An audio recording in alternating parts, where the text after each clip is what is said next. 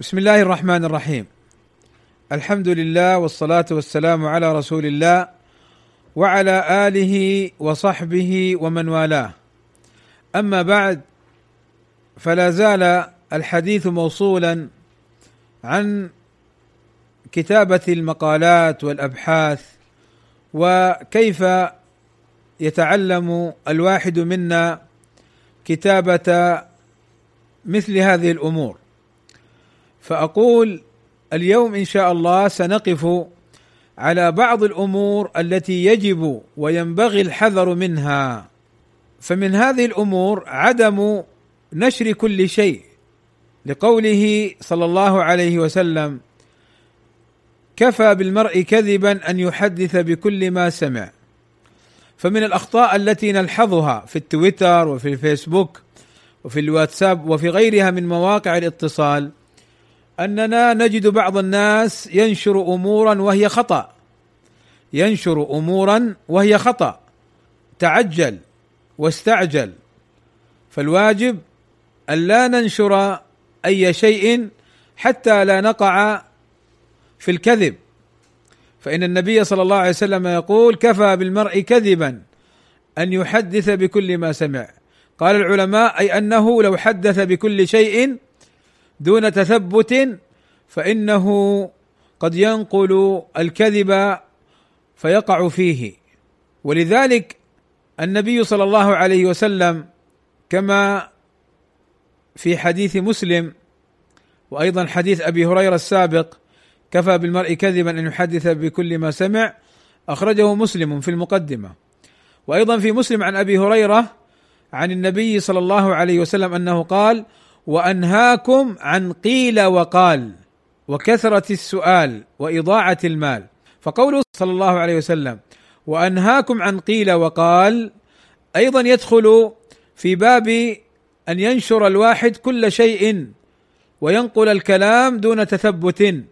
قال عمر كما في مقدمة مسلم قال عمر بن الخطاب رضي الله عنه بحسب المرء من الكذب أن يحدث بكل ما سمع.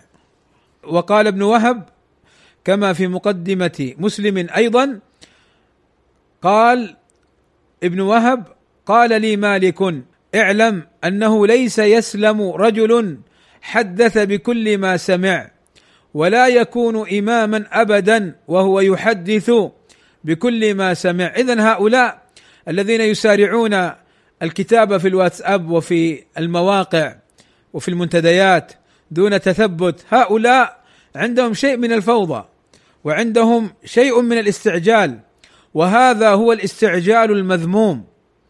الاستعجال المذموم أن تنقل الأمور بلا تثبت وأن تتكلم فيها بلا علم.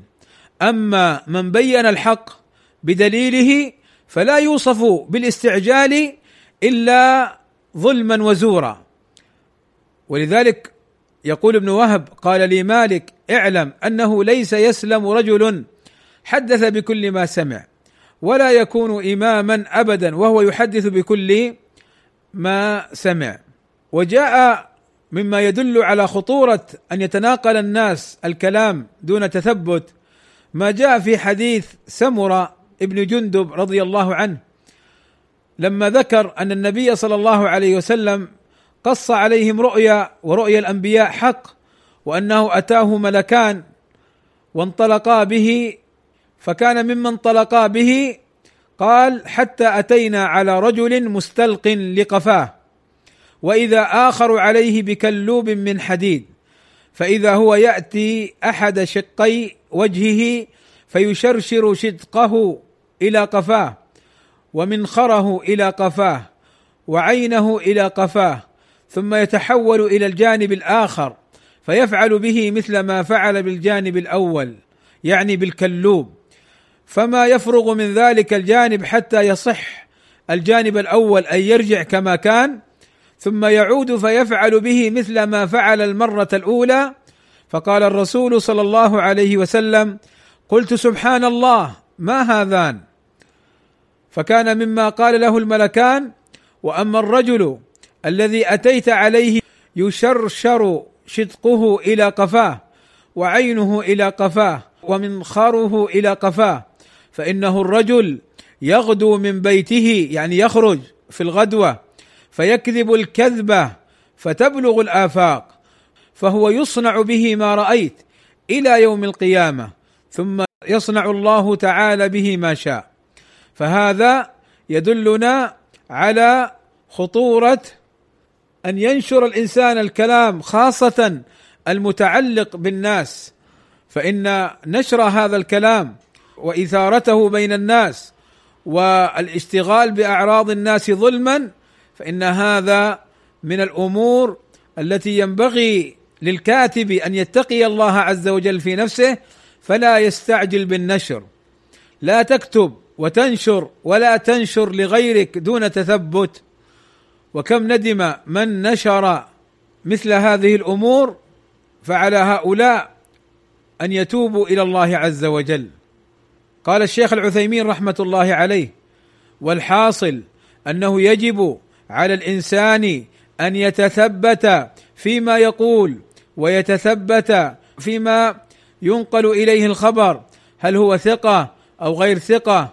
قال تعالى يا أيها الذين آمنوا إن جاءكم فاسق بنبأ فتبينوا أن تصيبوا قوما بجهالة فتصبحوا على ما فعلتم نادمين.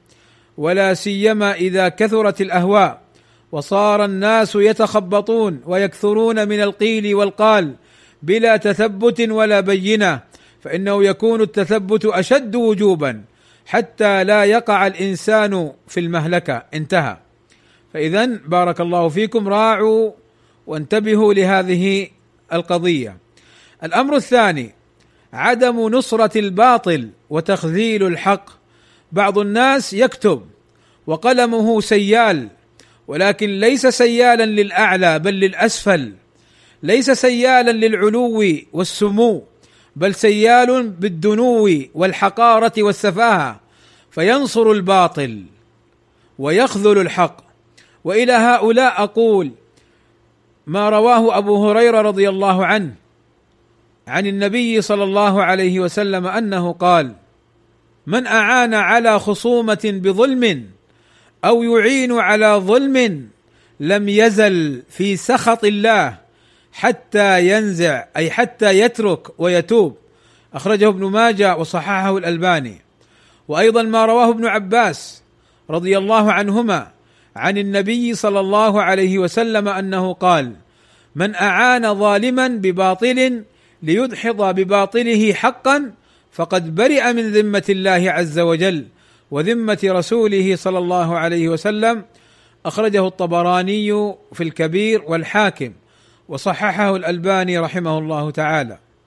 وروى عبد الله بن مسعود رضي الله عنه عن رسول الله صلى الله عليه وسلم أنه قال مثل الذي يعين قومه على غير الحق كمثل بعير تردى في بئر فهو ينزع منها بذنبه. رواه أبو داود وابن حبان في صحيحه وصححه الألباني. ومعنى الحديث أنه قد وقع في الإثم وهلك كالبعير إذا تردى أي سقط في بئر فصار ينزع بذنبه يعني يحاول أن يمسك بذيله ولكن لا يقدر. فلا يقدر على الخلاص. كذاك الذي يعين الظالمين على ظلمهم. فإذا بارك الله فيكم. انتبهوا من هذا المزلق وانتبهوا من هذا المنحدر الخطير. بعض الناس يكتب نصرة نصرة لحزبه وجماعته وبعضهم يكتب محبة لشيخه. لا نصرة للحق ولو كان قول شيخه خلاف الحق فإنه ينصر شيخه وهذا مزلق خطير ومنحدر عظيم حذر منه النبي صلى الله عليه وسلم وحذر منه السلف كما سيأتي إن شاء الله تعالى وكم نرى كم نرى من كتابات وبيانات وتأييدات وردود يراد بها نصرة الباطل وتخذيل الحق فعلى هؤلاء أن يتقوا الله عز وجل. من كان متكلما فليتكلم بالحجة والبيان ولينصر الحق كما قال النبي صلى الله عليه وسلم انصر أخاك ظالما أو مظلوما فالمظلوم تزيل الظلم عنه وأما الظالم فتأخذ على يديه. تقول له اتق الله يا أخي هذا الكلام باطل لا يجوز. هذا الكلام أنت فيه غير محق. ولذلك إخواني من القواعد المهمة في المنهج السلفي أن نعلم أن الحق لا يعلق بالرجال. فإذا جئنا ننصر لا ننصر الأشخاص وإنما ننصر الحق. سواء كان مع شخص نرتضيه أو لا نرتضيه شخصا نحبه أو لا نحبه فإن الحق أولى بالاتباع بل وأوجب في الاتباع. ولذلك وهذه النقطة الثالثة التي أريد أن أنبه عليها اليوم احذر يا عبد الله أن ترضي الناس بسخط الله حتى يمدحك فلان وفلان وحتى يقولوا فلان ما شاء الله تكلم بكلمة قوية نفع الله بها في رد كذا وكذا. احذر فقد روت أم المؤمنين عائشة رضي الله عنها وأرضاها عن النبي صلى الله عليه وسلم أنه قال من التمس رضا الله بسخط الناس كفاه الله مؤنة الناس ومن التمس رضا الناس بسخط الله وكله الله إلى الناس. وفي الحديث الآخر أنه من أرضى الناس بسخط الله سخط الله عليه وأسخط الناس عليه. والأمر الرابع الذي أريد أن أنبه نفسي وإياكم أنا حينما أتكلم بهذا الكلام أنا أذكر نفسي وأذكر إخواني أن لا نقع في هذه المزالق ولذلك يا إخواني العلم والكتابه والكلام قد يكون منه فتنة للإنسان إن لم يتق الله ولم يراقبه فيما يقول وفيما يكتب وفيما يبين للناس لأنه قد يتلاعب بالحق فيجعله باطلا وقد يتلاعب بالباطل فيجعله حقا. فلذلك ينبغي على الإنسان أن يتثبت وأن يتقي الله عز وجل وأن لا يتكلم إلا بعلم وأن يراقب الله عز وجل. ولذلك وهي النقطة الرابعة لا تكتب شيئا بلا علم ولا دليل. لا تكتب شيئا وأنت لا تعلمه. نعم نؤيد كذا. نعم فلان خطأ وفلان صواب. تدري الدليل؟ تعلم الحجة؟ هل فقهت المسألة؟ أم هكذا لحزبك وقومك وحبك لفلان وفلان؟ الله عز وجل يقول ولا تقف ما ليس لك به علم. إن السمع والبصر والفؤاد كل أولئك كان عنه مسؤولا. وقال صلى الله عليه وسلم من أفتى بغير علم كان إثمه على من أفتاه. وقال صلى الله عليه وسلم في من تكلم بغير علم ألم يكن شفاء العي أي الجهل السؤال وقال صلى الله عليه وسلم طلب العلم فريضة على كل مسلم فالدعاوى الخالية من الأدلة والبراهين غير مقبولة عند أهل العلم.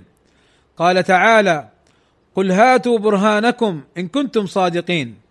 قال السعدي رحمه الله تعالى كل من ادعى دعوى لا بد أن يقيم البرهان على صحة دعواه وإلا فلو قلبت عليه دعواه وادعى مدع عكس ما ادعى بلا برهان لكان لا فرق بينهما فالبرهان هو الذي يصدق الدعاوى أو يكذبها.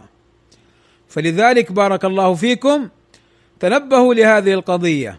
لا تكتب شيئا بلا علم ولا دليل.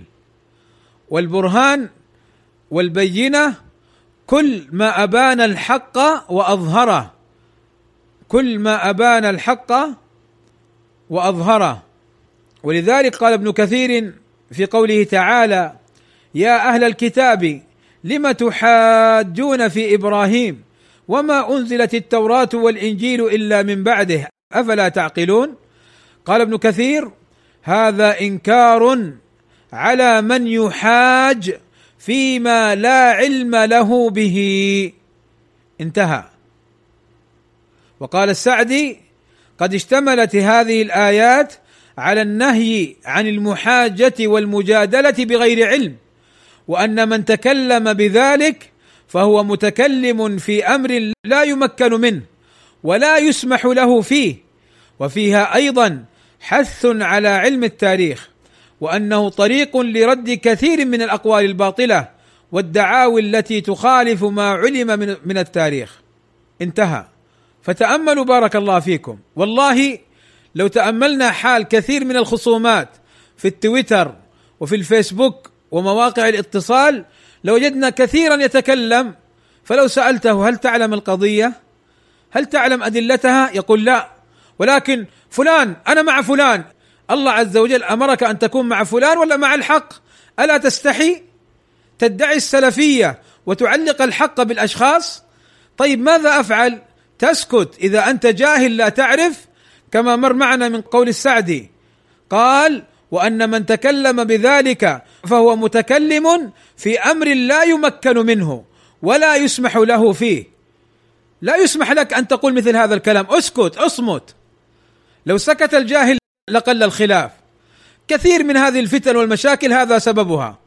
والله لو قلنا بنسبة كبيرة جدا هؤلاء الذين يثيرون الفتن هم لا يعلمون المراد منها ولا يعلمون الأدلة فيها ولكن كل الذي يعلمونه فلان وفلان. مع احترامنا لفلان وفلان ولكن فلان وفلان علمونا. كما علمنا السلف أن الحق لا يعلق بفلان وفلان. وإنما الحق يعلق بالحجة والبرهان. فابحث عن البرهان. لا فلان وفلان يا علان. فليتق الله كل واحد منا في نفسه فالمسألة خطيرة والمسألة دين لا يجوز التلاعب به ولا التهاون فيه. يقول كان عبد الله بن الحسن يكثر الجلوس إلى ربيعة. وتأملوا هذا الأثر إخواني جيدا وقارنوه بحال أصحاب التويتر والواتساب والفيسبوك. قال كان عبد الله بن الحسن يكثر الجلوس إلى ربيعة. قال فتذاكروا يوما السنن. فقال رجل كان في المجلس ليس العمل على هذا. يعني ليس العمل على السنن. فقال عبد الله ابن الحسن أرأيت إن كثر الجهال حتى يكونوا هم الحكام أفهم الحجة على السنة؟ قال ربيعة أشهد أن هذا الكلام كلام أبناء الأنبياء. يعني كلام قوي وحجة. وهذا عبد الله بن الحسن هو عبد الله بن الحسن بن الحسن بن علي بن أبي طالب رضي الله عنه وعن جميع صحابة رسول الله صلى الله عليه وسلم. يذكر السنن يذكر الحق يذكر الحجة. ويأتي هذا في المجلس ويتطاول على السنن فيقول ليس العمل على هذه السنن. فقال عبد الله أرأيت إن كثر الجهال؟ يعني هل هؤلاء الذين يكتبون في التويتر وفي الواتساب ويخرجون هذه البيانات من هؤلاء الجهال هل هؤلاء يكونون حكاما على السنن وعلى الحق؟ نعوذ بالله من تقديم الباطل على الحق نعوذ بالله من التقعيدات الباطلة. فقارنوا بارك الله فيكم هذا الأثر بحال أولئك الذين يقدمون الكلام الخلقي ويقدمون الخلق على الحق. الأمر الذي يليه وهو الأمر الخامس الذي أنصح نفسي وإياكم به. أنت إذا كتبت فإما أن تكتب مسألة بالكتاب والسنة وما عليه آثار سلف الأمة فهذا تلتزم به وتأمر الناس به. ولكن احذر كل الحذر أن تلزم الناس برأيك ووجهة نظرك التي ليس لها تعلق بالكتاب والسنة. انظروا قال الشعبي كتب عمر بن الخطاب إلى شريح إذا وجدت شيئا في كتاب الله فاقض به يعني وفي سنة رسول الله صلى الله عليه وسلم فاقض به ولا تلتفت إلى غيره أي من كلام الخلق وهذا أيضا يؤيد ما سبق. قال عمر وإذا أتى شيء أراه قال ليس في كتاب الله. وليس في سنة رسول الله صلى الله عليه وسلم ولم يقل فيه أحد قبلك أي من السلف فإن شئت أن تجتهد رأيك فتقدم وإن شئت انت تتأخر يعني لا تفتي ولا تتكلم في مسألة لم يقل فيها أحد قبلك. قال فتأخر وما أرى التأخر إلا خيرا لك. أرأيتم كيف أن عمر رضي الله عنه يقول لشريح القاضي اقضي بالدليل واقضي بما عليه السلف وإن جاءتك مسألة أو قضية ليس فيها دليل وليس فيها آثار عن السلف فلك أن تجتهد ولك أن تترك ولا أرى الترك إلا خيرا لك. كيف يأتي بعض الناس اليوم يرى مسألة ويلزم الناس بها فإن لم يتبعوه حذر منه وشنع عليه ورماه بالعجلة أو رماه بالسفة أو رماه بالجهل. لماذا يا أخي؟ هل قولك دليل؟ هل قولك حجة؟ هل أنت معصوم من الخطأ؟ هل أمرنا الله باتباع قولك؟ هل أنت أحسن من الصحابة؟ هل أنت أحسن من السلف الصالح الذين كانوا لا يلزمون بقولهم؟ ما هذه القواعد الفاسدة؟ ما هذه القواعد الفاسدة؟ ما هذه التأصيلات الكاسدة؟ نعوذ بالله نعوذ بالله نعوذ بالله أن نلزم عباد الله بأمر غير ملزم. فلا يجوز لك يا عبد الله أن تجعل رأيك وأن تجعل اجتهادك هو الحق وتعلق عليه الحق ومن اتبعك في ذلك مدح ومن خالفك لحجة هو يراها. رميته بالفواقر. ما هذه؟ الأمور العواقر التي لا تليق بطالب علم فضلا عن إنسان يتصدر لدعوة الناس. فاعلم بارك الله فيك. هذا الأمر واجتهد أن لا تقع في مثله فإنه من الظلم. نعم من الظلم أن تلزم الناس برأيك واجتهادك الذي لا يلزم الناس لأن الناس يلزمهم الحق. وقولك قد يكون حقا وقد يكون باطلا لا تعلم. فكيف تلزم الناس بأمر لا تعلم صحته من خطئه؟ قال عمر وما أرى التأخر إلا خيرا لك. لماذا؟ لأنه يحتمل أن يكون خطا. فالسلامة أن تترك ولا تخوض. فقل لي بربك هؤلاء الخائضون في بحار الجهل والأهواء ما حالهم؟ نسأل الله السلامة والعافية. أيضا من الأمور التي أريد أن أحذر نفسي وإخواني منها مسألة مهمة وكثير يقع الخلط فيها ويلتبس الحق بالباطل فيها. ما هي هذه المسألة؟ هي مسألة التي يقول فيها العلماء لا تعتقد ثم تستدل بل استدل ثم اعتقد. قال الشيخ العثيمين رحمه الله تعالى قال العلماء كلمة طيبة قالوا يجب على الإنسان أن يستدل ثم يبني لا أن يبني ثم يستدل لأن الدليل أصل والحكم فرع فلا يمكن أن يقلب الوضع ونجعل الحكم الذي هو الفرع أصلا والأصل الذي هو الدليل فرعا.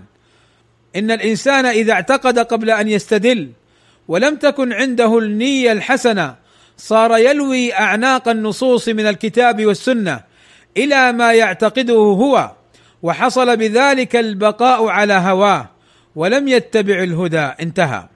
فاذا هذه مسألة مهمة ينبغي علينا أن نتفطن لها. أقول من فروع هذه المسألة التي يخطئ فيها كثير من الناس أنك تجعل الحق معلقا بقول فلان وفلان فحينها أنت اعتقدت ثم استدليت. أيضا من فروع هذه المسألة أنك ترد الحق الذي ظهر على لسان خصمك أو لسان شخص تراه صغيرا أو أنه ليس من العلماء الكبار. فترد الحق لذلك فأنت اعتقدت ثم استدليت. فلذلك ينبغي أن تتفطن لهذه القاعدة والفروع المضاده لها حتى لا تقع في الباطل وحتى لا ترد الحق. وتنصر الباطل فبارك الله فيكم. ينبغي لنا أن نتنبه لهذه الأمور ولعلي أكتفي بهذا القدر من التنبيهات في هذا اللقاء وهناك إن شاء الله تنبيهات أخرى متعلقة بالكتابة سأذكرها إن شاء الله في اللقاء القادم. أسأل الله عز وجل أن ينفعنا بما سمعنا وأن يكون حجة لنا لا حجة علينا وأن يبصرنا في ديننا وأن يحفظ علينا ديننا ومنهجنا السلفي. والحقيقة تقال وإن كان فيها شيء من المرارة وشيء من يعني الشدة لكن أقول نحتاج نحن السلفيون أن نراجع أنفسنا وصدقنا هل نحن فعلا سلفيون قولا وعملا واعتقادا أم أن هناك من يتلاعب ومن يتبع هواه ومن يصور الحق في صورة الباطل ويصور الباطل في صورة الحق فوا اسفا على من كان هذا حاله. والحق واضح أبلج منصور بإذن الله تعالى لا يضره من خذله ولا من خالفه ولكن نحن جميعا نرجو لأنفسنا ونرجو لإخواننا الخير ونخاف عليهم من السوء. فاحذر يا عبد الله من هذه الأمور وصلى الله وسلم على نبينا محمد وعلى آله وصحبه وسلم أجمعين.